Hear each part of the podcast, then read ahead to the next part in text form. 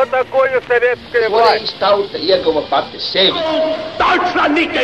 Liktenīgas nejaušības un slēptas likumsakarības, subjektīvas patiesības un objektīvi aizspriedumi. Pēc atkušņa nekad nenāk uzreiz pavasars, bet sākās Arī šodien cilvēki ir ļoti tūredzīgi. Viņi redz to naudu, kas ir. Televīzijā jau pamatā notiek cīņa par varu. Pagātne no šodienas skatu punkta un šodienas caur pagātnes prizmu. Raidījumā šīs dienas acīm. Latvijas radio eterā Eduards Liniņš. Labdien, cienījamie klausītāji! Nu pat esam aizvadījuši mūsu valsts neatkarības de facto atjaunošanas 25. gadsimtu, un šodien mūsu sarunā par to, kā 1991. gada augusta pučs un Latvijas neatkarības atgūšana izskatījās no okeāna otra krasta, no Amerikas Savienotajām valstīm, to galvaspilsētas Vašingtonas, un mans sarunbiedrs šodien studijā saimas deputāts, savulaik Latvijas vēstnieks Amerikas Savienotajās valstīs Ojārs Eriks Kalniņš. Labdien! Labdien! Vispirms par to, kā tad tolaik pirms neatkarības atgūšanas strādāja un kādā statusā Savienotajās valstīs bija Latvijas vēstniecība, kas nebija pārtraukusi tur savu darbību kopš pirmskara laikiem. Nu, jāsāk ar to, ka tajā laikā to sauc par sūtniecību, jo vēl nebija kļuvusi par vēstniecību. Un tā jau darbojās jau kopš okupācijas gadiem. Tur bija tādi diplomāti kā Speke, Bilmans un man vispazīstamākais bija Anatols Dinbergs kas ne tikai simboliski, bet arī juridiski un politiski uzturēja Latvijas republikas pārstāvniecību Vašingtonā. Un Dinbergs, kas bija misijas vadītājs, Viņam bija pilns diplomātiskās tiesības, viņš tika aicināts uz Baltonām kopā ar pāriem vēstniekiem, bet sūtniecībai tajā laikā nebija tiešie sakari ar Latviju. Tos uzturēja trimts organizācijas.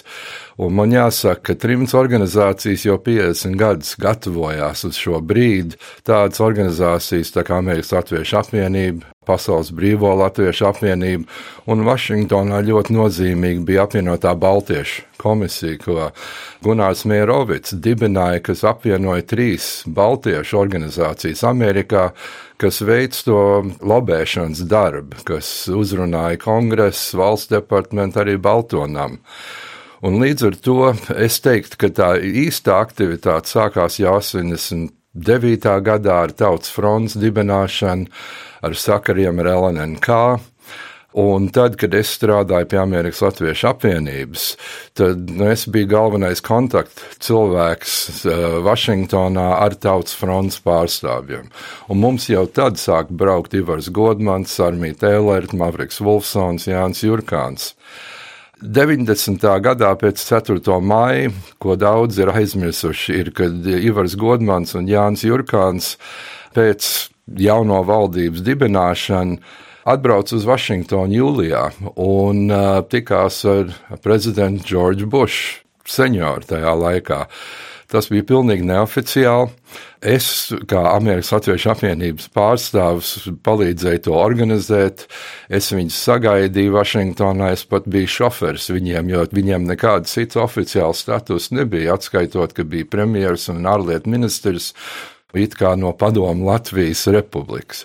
Bet viņi saņēma augstāko cieņu, viņi tikās ar senatoriem, ar kongresmeņiem, un mēs tikām Baltajā namā jau jūlijā 90. gadā.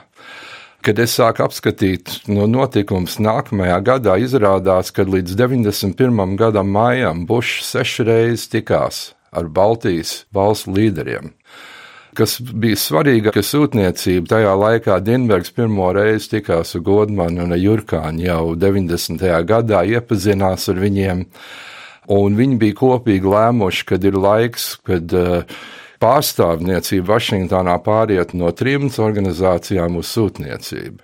Un līdz ar to Dienbergs un Godmans man aicināja pāriet no Amerikas Latviešu apvienību uz sūtniecību. Un ar 91. gada janvāru es pārgāju uz sūtniecības darbu kā presa pārstāvs. Jau 2. janvārī darbs sākās, un mēs jau sākam dzirdēt par barikāžu laikiem šeit. Dainis Ivāns atbrauc ar vien vairāk, sāk pārstāvu braukt. Mēs tagad nevis kā Amerikas latvieši, bet kā sūtniecība organizējam viņiem vizītes kongresā, valsts departamentā, žurnālistiem. Un eh, man jāsaka, ka es paskatījos uz piezīmēm, kad jau martā 91. gadā Ivars Godmans atsūtīja vienu ekonomisko pārstāvu, man liekas, viņam vārds bija Jānis Bozs, un mēs bijām izkārtojuši tikšanās Ņujorkā ar vienu firmu, kas drukā naudu. Un mēs jau martā 91. gadā jau sākam plānot, nu, kā Latviju varētu uh, iespiest un, un gatavot.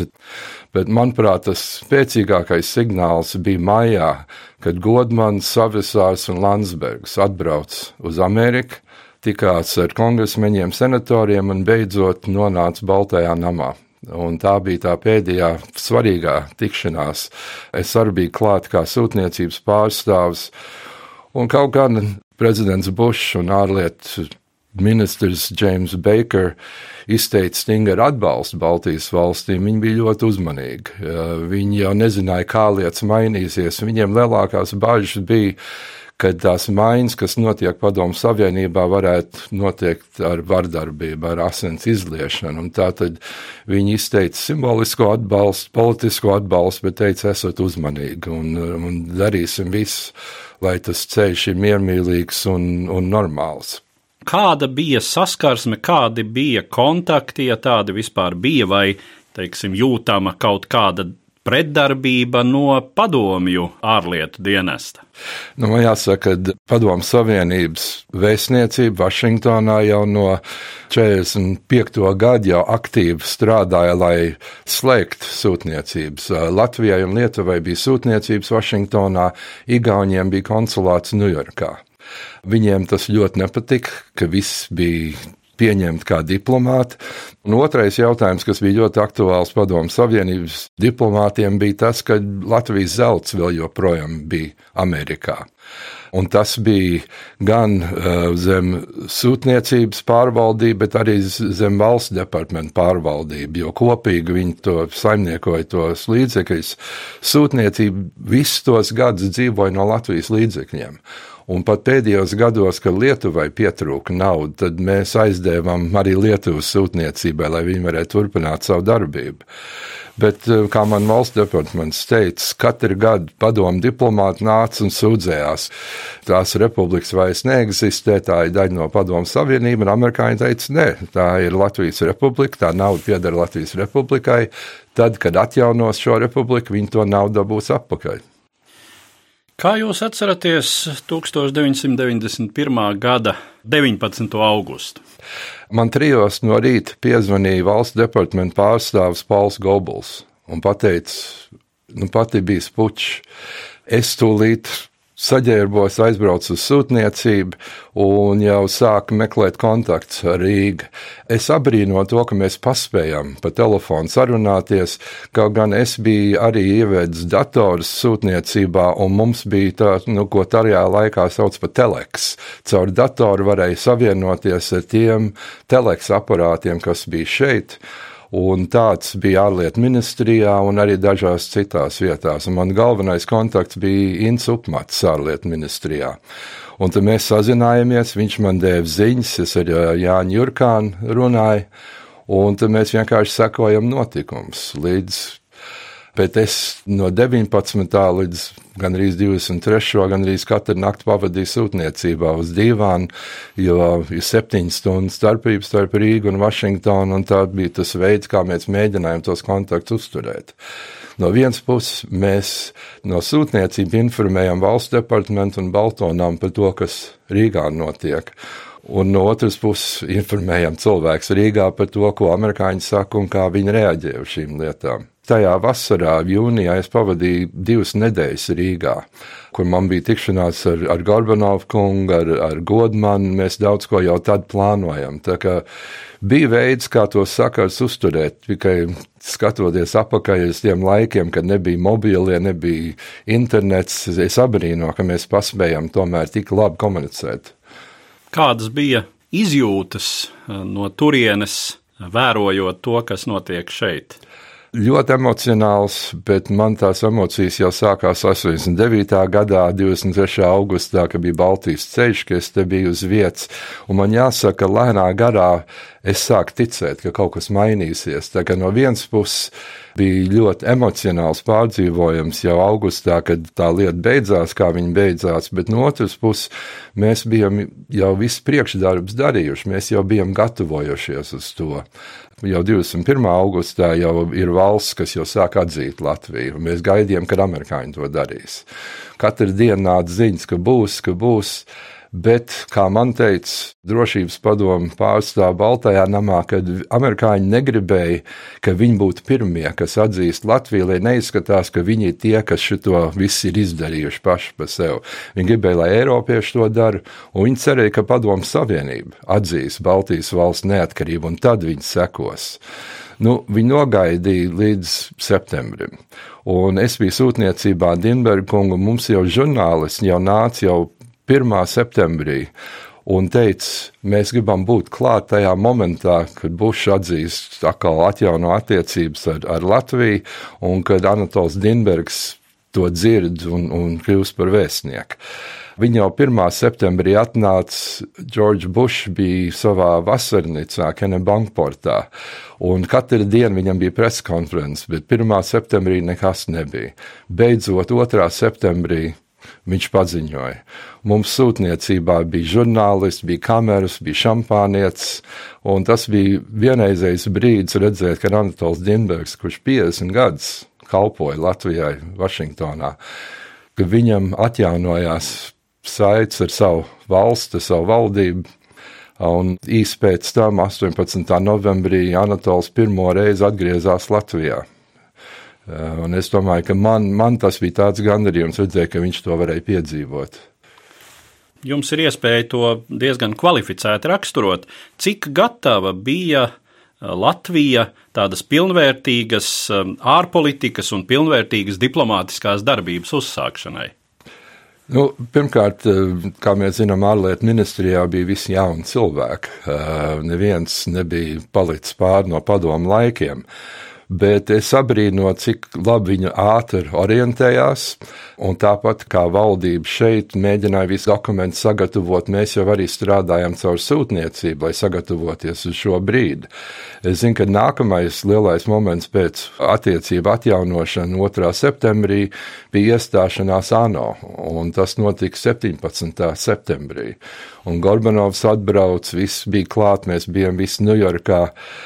Bet tā problēma ar ANO bija, kad labi, mēs iestājāmies, mums nebija ne vēstnieks, nebija ne pārstāvi.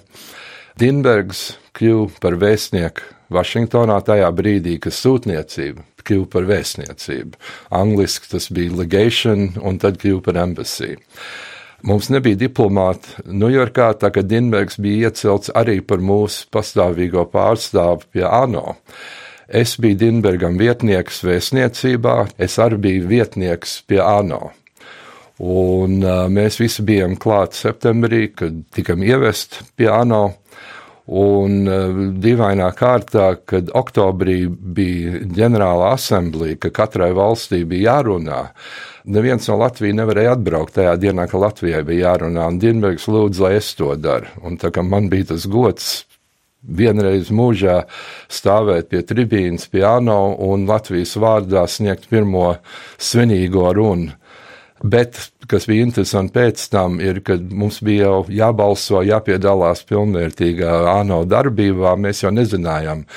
Tur bija tik daudz jautājumu, un ļoti ātri Ziemeļu valsts diplomāti izveidoja darba grupu. Dāņi, Zviedri, Norvēģi, un kopā ar Baltiešiem mēs sanācām kopā, un tad viņi principā teica, kā viņi balsos uz šiem jautājumiem. Mēs ilgu laiku sekojam viņiem līdzi, jo negribējām kļūdīties, nevarējām iedziļināties, bet uh, tā sadarbība bija ļoti vērtīga. Jo mums, man jāsaka, ne tikai ANO, bet arī Vašingtonā mums Ziemeļu valsts vēstniecības bija ļoti izpalīdzīgas.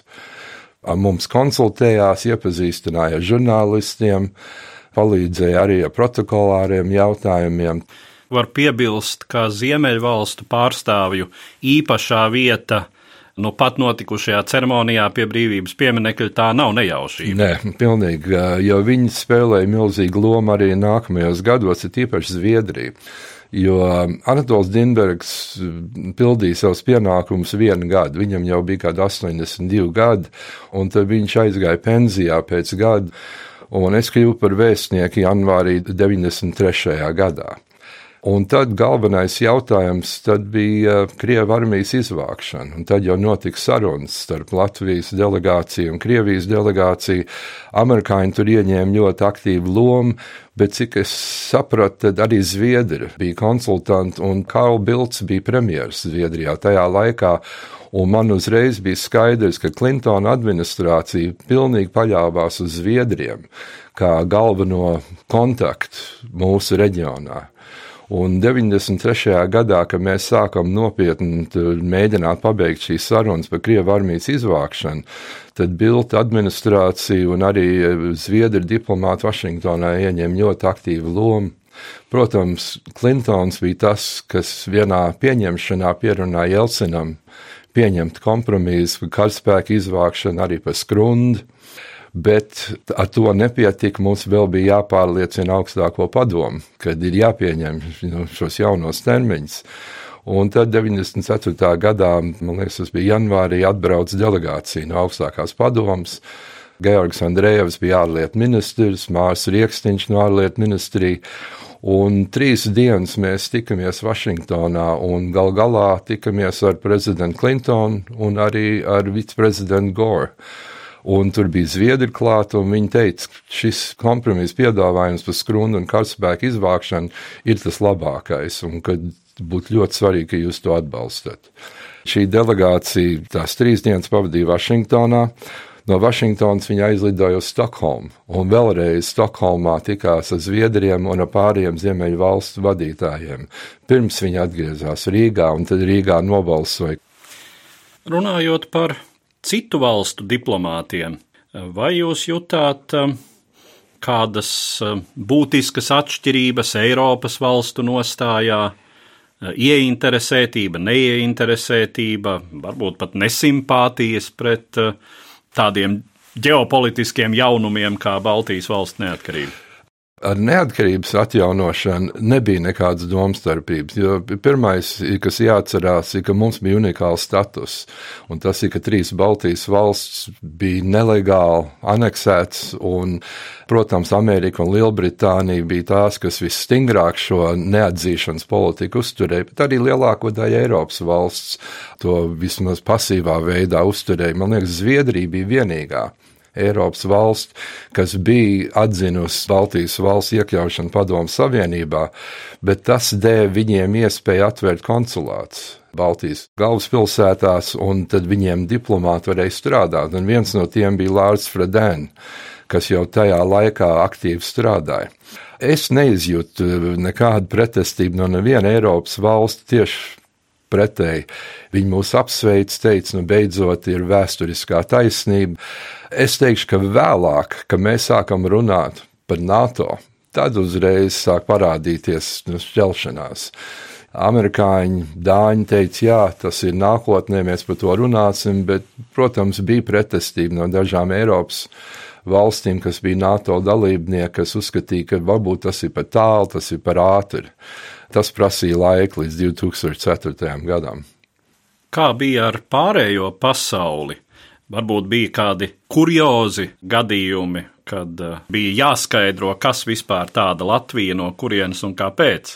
Protams, bija daudz jāskaidro, jo ne visi zināja, kas bija Baltijas valsts. Otrais, ko mēs uzsvērām, ir, ka mēs neesam jauna valsts, jo tajā laikā vispadomu Savienības republikas dibināja jaunas valsts un runāja par jaunām valstīm, no mēs atgādinājām, ka mēs esam tikai atjaunojuši neatkarību. Un tad bija daudz jāstāsta par 18. gadu un par visu to, kas notika pirms kara, par okupācijas laikiem. Bet viens gadījums, kas man, man ļoti uzkrita, ka es biju vēstnieks Un kad Dienvidāfrika pirmo reizi atsūtīja melnādaino diplomātu uz Vašingtonu, jo bija izbeidzies apartheids Dienvidāfrikā, Un bija milzīga pieņemšana, un uh, kad es iepazinos ar vēstnieku, un es teicu, es esmu vēstnieks no Latvijas, un viņš pasmaidīja, un viņš teica, mans vectēvs ir no Rīgas. Tad viņš gaidīja uz mani reakciju, es biju pārsteigts, un viņš teica, jā, mans vectēvs bija Latvijas ebrejs, man vecmāmiņa bija afrikānieta. Tā kā viņš par Latviju jau daudz ko zināja. To nevarēja teikt varbūt par citām Āfrikas vai Karēbu jūru valstīm, atskaitot varbūt Tobago, kurai arī bija kaut kāda saistības ar Latviju vēsturiski. Kāda ir jūsu pieredze ar amerikāņu, pirmkārt, varas aprindām, nu, arī ar presi un tam līdzīgi. Vai tur bija kādas nozīmīgas atšķirības eh, starp demokrātiem un republikāņiem, vai kādu Amerikas reģionu pārstāvjiem?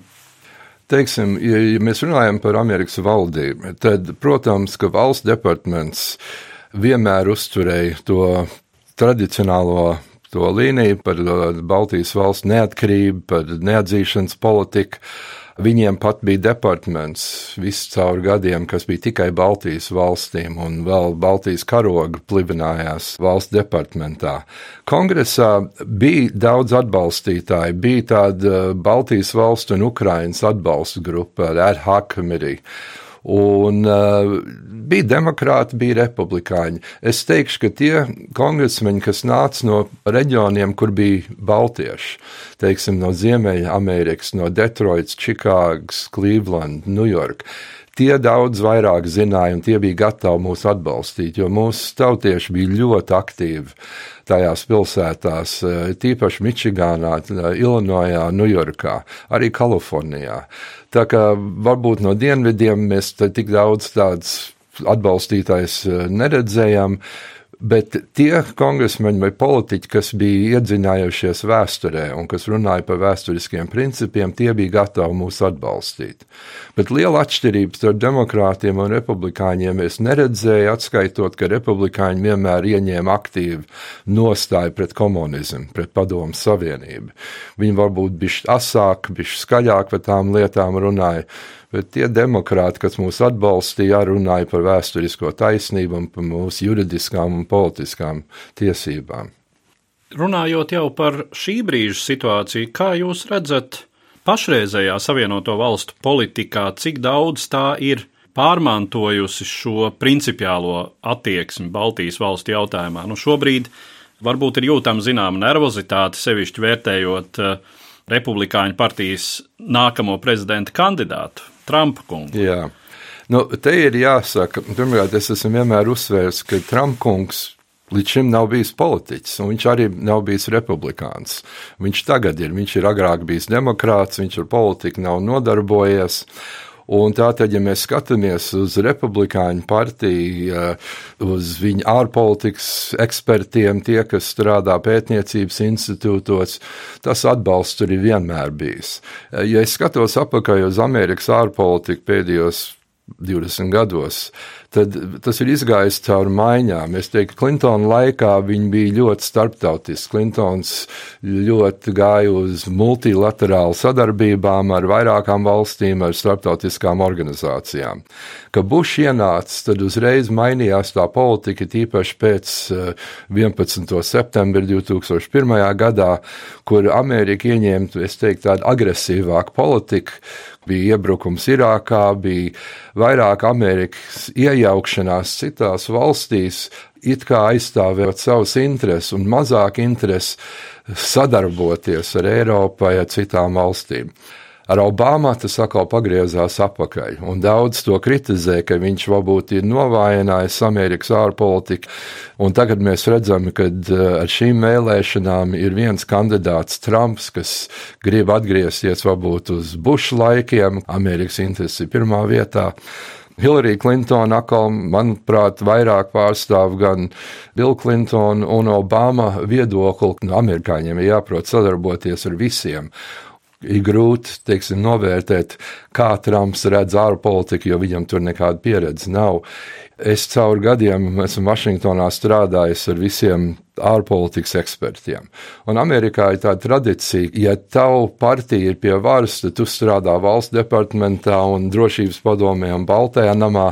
Ja nākamā partija nāk pie varas, tad tu aizej uz pētniecības institūtu, turpini strādāt, gatavoties uz nākamo. Astoņus gadus demokrāti ir bijuši atbildīgi par ārpolitiku, republikāņi gatavojušies bet gandrīz 95% no visiem republikāņu ārpolitikas ekspertiem ir noraidījuši Trumpu, ir nosodījuši viņu un pateikuši, ka viņi ar tādu cilvēku nevar strādāt. Tā kā es teiktu, ka mēs skatāmies uz, uz analītiķiem, uz ekspertiem Vašingtonā ārpolitikā, lielais vairākums ir vairāk nu, tradicionālā virzienā, un viss ar šausmām skatās uz to, ko Trumps varētu ieviest. Ja mēs novērtējam Latvijas ārpolitikas attīstību šais 25 gados, ārpolitikas un diplomātiskā dienesta attīstību, Ko jūs par to varat teikt? Jūs esat bijis klāt šim procesam visus 25 gadus. Man ir milzīgs gandarījums ar to, kad, kad man ir bijis iespēja ar ārlietu ministriju visus šos gadus strādāt, arī ar, ar citām ministrijām. Bet es abrīno to, cik ātri mūsu jaunie diplomāti spēja visu aptvert un saprast tajā laikā nu, viss bija jauna, bet mums bija ļoti laba sadarbība, un es biju ļoti pateicīgs, ka viņi arī paļāvās uz mani. Kaut gan es esmu dzimis Vācijā, es uzaugu Amerikā, un es pirmo reizi Latvijā biju 78. gadā kā turists. Bet es uz viņiem paļāvos, viņi atkal uz mani paļāvās. Un uh, es domāju, sadarbība bija ļoti laba uh, caur visiem gadiem. Ja skatos atpakaļ 25 gadus, es varētu sadalīt uh, mūsu ārpolitiku trijos posmos.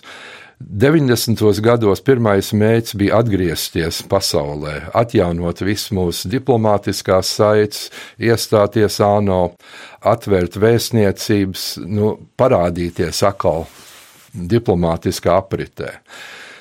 Ap 98. gadu, kad paplašanai NATO pirmo reizi pieņēma Ungāriju, Čehiju un Poliju, tad jau sāk pirmo reizi runāt par Baltijas valstīm, iespējamo kandidatūru. Un tad es teikšu, ka mūsu ārpolitika virzās uz NATO un, protams, Eiropā uz Eiropas Savienību, gatavoties. Un tā tad es teiktu, ka no 98. līdz 2004. gadam mēs bijām kandidāti. Mums bija jāpārliecina vispārējās valsts, ka mēs esam gatavi, mēs esam stabili un mūsu vērtības ir tādas pašas kā viņiem. 2004. gadā mēs to sasniedzam. Trešais posms bija tagad aktīvi darboties kā NATO un Eiropas Savienības dalības valsts. Un es uzskatu, ka mūsu Eiropas Savienības prezidentūra 2015. gadā Tas noslēdz to posmu ar Eiropas Savienību, ka mēs esam pilnvērtīgi dalībnieki un pat varam uzņemties prezidentūru. Ar NATO nu, daļai varētu uzskatīt NATO samits 2006. gadā bija pagrieziens. Un mēs esam ļoti labi parādījuši, kā mēs aktīvi darbojamies, piedalāmies NATO operācijās. Un man ir bijis laime strādāt ar visiem ārlietu ministriem, un es nevienu nevarēju kritizēt. Es domāju, ka visi ir godīgi un ļoti profesionāli pārstāvējuši Latviju tajos gados. Tā kā te man ir prieks un man ir tāds zināms gandarījums, ka es tagad varu vadīt ārlietu komisiju un vēl joprojām strādāt ar ārlietu ministriju, bet tagad ar šiem, teiksim, bijušiem jauniem zēniem, kas tagad ir vispieredzējuši politiķi un diplomāti. Un eh, kā jūs redzat eh, Latvijas ārpolitikas nākotnes prioritātes? Drošība bija pirmais un galvenais jautājums. Tas ir vienmēr bijis tagad vēl vairāk nekā varbūt pirms desmitiem gadiem sakarā ar Krievijas aktivitātēm Ukrainā. Es uzskatu, ka šajā brīdī mums vissvarīgākais ir saglabāt NATO un Eiropas Savienību jo Latvija nevar pastāvēt izolācijā. Latvija nevar būt neitrāla, nevar būt ārpus. Pirmais drauds NATO bija, es teiktu, 2014. gadā, kad Krievija iebruka Ukrainā. Un tad bija jautājums, vai NATO ir gatava reaģēt, ja Krievija iet tālāk. Es domāju, ka divu gadu laikā NATO valsts ir parādījuši, ka jā. Piektais pants ir svarīgs, kad uh, viss to atzīs. Es domāju, arī uh, viceprezidenta Joe Biden vizīte Rīgā to apstiprina. Un otrais ir ar Eiropas Savienību. Mums ir jānodrošina, ka Eiropas Savienība pastāv. Un lielākais draudz, manuprāt, šogad bija Brexits, Lielbritānijas izstāšanās. Jo Eiropas Savienībai stāv priekšā terorisms, konflikts Ziemeļāfrikā, arī migrācijas krīze. Un viss šīs problēmas ir tikai atrisināmas kopīgi, ja mēs strādājam kopīgi. Latvija nevienu problēmu nevar viena pati atrisināt. No otras puses, visas šīs lietas varētu mūs skārt, tāpēc vienlaicīgi mēs strādājam pie divpusējām attiecībām ar visām valstīm, ar Ķīnu, ar Ameriku, ar Eiropas valstīm, bet mums ir ļoti svarīgi saglabāt Eiropas Savienību un NATO, lai tās ir stipras organizācijas un ka mēs tur esam aktīvi, pildām visus savus pienākumus Un tur, kur varam ietekmēt lēmumus, to darām, lai, lai vispirms aizsargātu Latvijas intereses. Ar to mēs arī varētu noslēgt mūsu šodienas sarunu, kas bija veltīta Latvijas neatkarības atjaunošanai pirms 25 gadiem un tam ceļam, ko šai laikā ir nogājusi Latvijas ārpolitika un Latvijas diplomātija, un es saku paldies manam sarunbiedram, saimas deputātam un savulaik Latvijas vēstniekam Amerikas Savienotajās valstīs Ojāram Ērikam Kalniņam. Paldies! Par pagātni sarunājas Eduards Liniņš.